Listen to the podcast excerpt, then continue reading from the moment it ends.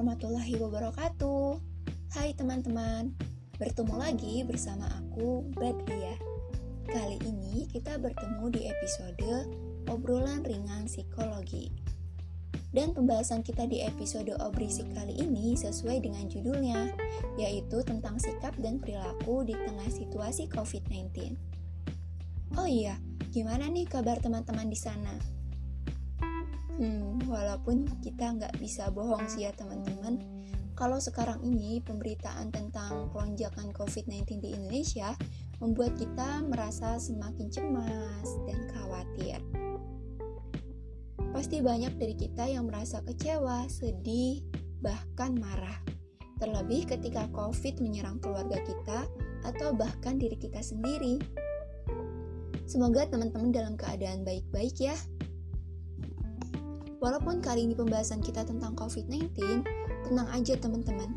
Aku nggak berniat buat menambah beban pikiran teman-teman kok. Tapi fokus pembahasan kita kali ini adalah tentang bagaimana sikap dan perilaku manusia di tengah situasi COVID-19. Penasaran nggak sih teman-teman, kenapa COVID-19 bisa begitu mempengaruhi psikis manusia? Terutama dalam konteks sikap dan perilaku. Nah, Yuk kita coba kulik hal ini. Semoga bisa menjawab rasa penasaran kita ya teman-teman. Oh iya, ada satu pertanyaan nih dari aku buat teman-teman. Menurut kalian, sikap dan perilaku itu sama atau enggak sih? Hmm, bingung ya? Yuk yuk kita bahas tentang dua hal ini dulu ya. Oke, yang pertama, sikap. Sikap itu adalah suatu respon yang berupa evaluasi atau penilaian seseorang terhadap sesuatu hal. Perlu kita ketahui teman-teman, sikap itu baru mengarah pada penilaian ya. Penilaian positif atau negatif. Contohnya baik atau buruk atau setuju atau tidak setuju. Sedangkan perilaku adalah hasil refleksi atau sebuah tindakan yang terbentuk dari sikap. Contohnya, sikap kita setuju bahwa kita harus menerapkan protokol kesehatan. Nah, perilaku yang terbentuk adalah kita memakai masker ketika keluar rumah. Jadi, bisa kita ketahui teman-teman kalau sikap dan perilaku adalah dua hal yang berbeda, yakni sikap baru berupa penilaian, sedangkan perilaku sudah berupa tindakan. Sebagai dasar yang perlu kita ketahui juga teman-teman, ternyata sikap itu terbagi menjadi dua, Pertama, ada sikap eksplisit, yaitu sikap yang kita sadari, yang sengaja kita pikirkan, dan mudah untuk dilaporkan. Sedangkan yang kedua, ada sikap implisit, yaitu sikap yang tidak kita sadari dan tidak dapat kita kendalikan. Nah, sekarang kita bahas lebih dalam lagi yuk tentang sikap dan perilaku. Teman-teman pernah nggak sih terbesit sekilas di pikiran kalian, kenapa ya Kok sikap setiap manusia itu beda-beda? Salah satunya dalam respon COVID-19 ini. Padahal stimulusnya sama, yaitu sama-sama virus corona. Tapi kenapa ada yang setuju, ada yang nggak setuju? Atau pernah nggak sih terbesit rasa penasaran teman-teman sebenarnya bagaimana sih sikap terbentuk dan mempengaruhi perilaku? Kalau teman-teman sendiri, bagaimana sikap kalian terhadap COVID-19 ini? Apakah kalian percaya COVID itu ada? Dan apakah kalian setuju dengan menerapkan protokol kesehatan, vaksin, dan himbauan pemerintah yang lain seperti lockdown wilayah itu efektif dalam menanggulangi COVID-19? Mungkin sebagian dari kalian ada yang memunculkan sikap percaya COVID itu memang ada, dan sebagian juga ada yang memunculkan sikap tidak percaya, bahkan menganggap COVID adalah settingan atau hanya sekedar dimanfaatkan untuk berdagang. Sadar nggak sih teman-teman, bagi kalian yang memiliki sikap percaya COVID itu nyata dan setuju dengan himbauan pemerintah, mayoritas dari kalian akan memunculkan perilaku untuk menerapkan protokol kesehatan, melakukan vaksin, dan berdiam diri di rumah.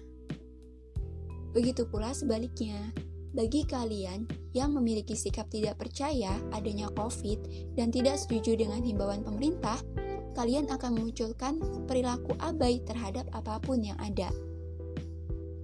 Nah, kita coba kulik yuk teman-teman, bagaimana sikap terbentuk dan mempengaruhi perilaku seperti yang dibahas sebelumnya. Jadi, teman-teman, sikap kita terbentuk melalui proses pembelajaran sosial, yakni proses di mana kita mengadopsi informasi baru atau mendapati sikap dari orang lain yang diproses melalui panca indera kita. Pembelajaran sosial ini melibatkan pengkondisian klasik dan pembelajaran instrumental atau pembelajaran observasional. Mungkin dari teman-teman yang mempelajari ilmu psikologi sudah tidak asing dengan kedua istilah ini. Tapi untuk teman-teman yang tidak pernah mempelajari pasti ngerasa bingung dengan kedua istilah ini, bukan? Oke, aku akan jelasin secara sederhana ya teman-teman. Pertama, pengkondisian klasik, yakni Proses pembelajaran di mana satu stimulus yang dipasangkan berulang dengan stimulus lain akan memunculkan respon atau sikap. Contohnya nih, dalam situasi COVID. Kabar kemunculan COVID-19 pertama kali muncul di Indonesia berperan sebagai stimulus pertama. Untuk pertama-tama belum begitu mendapatkan perhatian yang intens. Kemudian, diberitakan secara berulang-ulang dengan memberikan stimulus yang kedua, yakni dipaparkan daftar jumlah orang yang terinfeksi hingga meninggal. Pemberitaan ini yang berulang-ulang lah yang pada akhirnya memunculkan sikap kita untuk mempercayai COVID dan menyetujui himbauan pemerintah, sehingga perilaku kita yang muncul adalah perilaku untuk mentaati peraturan yang ada. Yang kedua, pengkondisian of observational yakni proses pembelajaran di mana individu mendapati perilaku baru melalui observasi terhadap orang lain.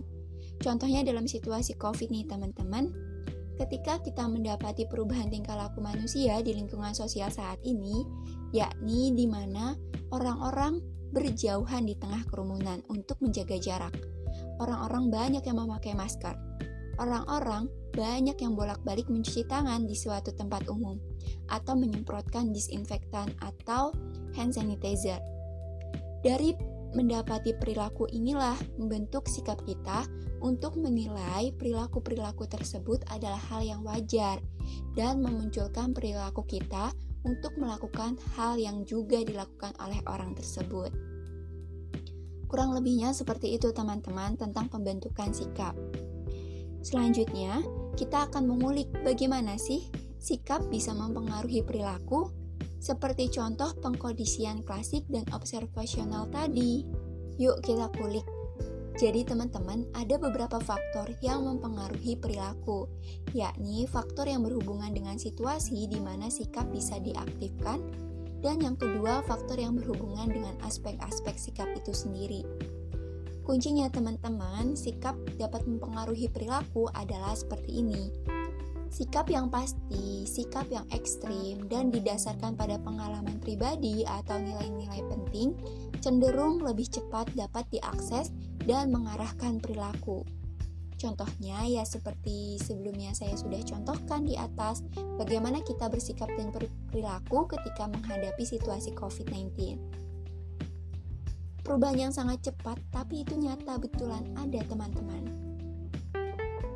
Atau uh, perubahan sikap yang drastis uh, di seluruh umat manusia di dunia saat ini. Contohnya, pemerintahan Arab Saudi memunculkan perilaku untuk menunda keberlangsungan ibadah haji, atau pemerintah Indonesia yang memunculkan perilaku untuk uh, mengeluarkan pelanggaran mudik. Nah, seperti itu teman-teman pembahasan kita kali ini. Mudah-mudahan bisa menambah pengetahuan khususnya untuk aku pribadi dan umumnya untuk teman-teman di sana. Sampai bertemu di episode selanjutnya teman-teman. Wassalamualaikum warahmatullahi wabarakatuh.